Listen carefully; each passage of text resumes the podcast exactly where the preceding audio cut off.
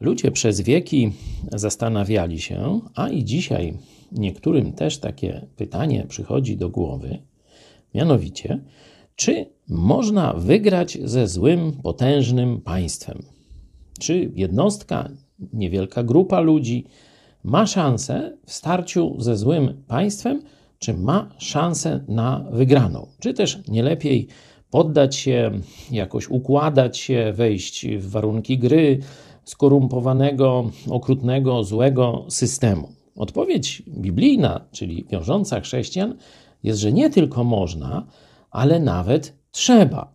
Oto przykład, bo oczywiście e, mówiłem w niedzielę o e, ogólnych zasadach na ten temat w kazaniu, a dzisiaj pokażę Wam kolejny przykład. Dzieje apostolskie, siódmy rozdział, tam oczywiście kolejny proces, bo jak czytamy początek dziejów apostolskich, to tam co chwila jakiś proces. No i e, nie potrafili Szczepana na argumenty pokonać, no to wzięli fałszywych świadków, no i oskarżenie 196, paragraf bluźnierstwo i tak dalej. No wtedy jeszcze dawali prawo do obrony, on zaczyna się bronić i opowiada historię Izraela. W pewnym momencie, to jest siódmy rozdział, szósty werset, szósty i siódmy, mm, on opowiada o niewoli e, narodu żydowskiego w potężnym państwie faraonów. Do dzisiaj wszyscy podziwiają tam piramidy i tak dalej, że ci ludzie, ta cywilizacja, to państwo takie wielkie rzeczy robiło. No a Żydzi y, jako niewolnicy, najniższa kasta społeczna, czy mieli jakąś szansę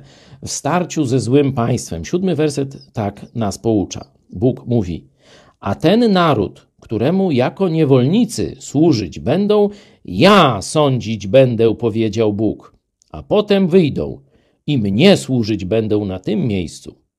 Bóg nie chce, byśmy żyli w niewoli, w niewoli ludzi, w niewoli złego państwa. Tu mamy przykład, że sam Bóg się upomni, sam Bóg da zwycięstwo, bo to On chce, żebyś był wolny, bo to On chce, żebyś w wolności tylko Jemu służył, nie złemu państwu.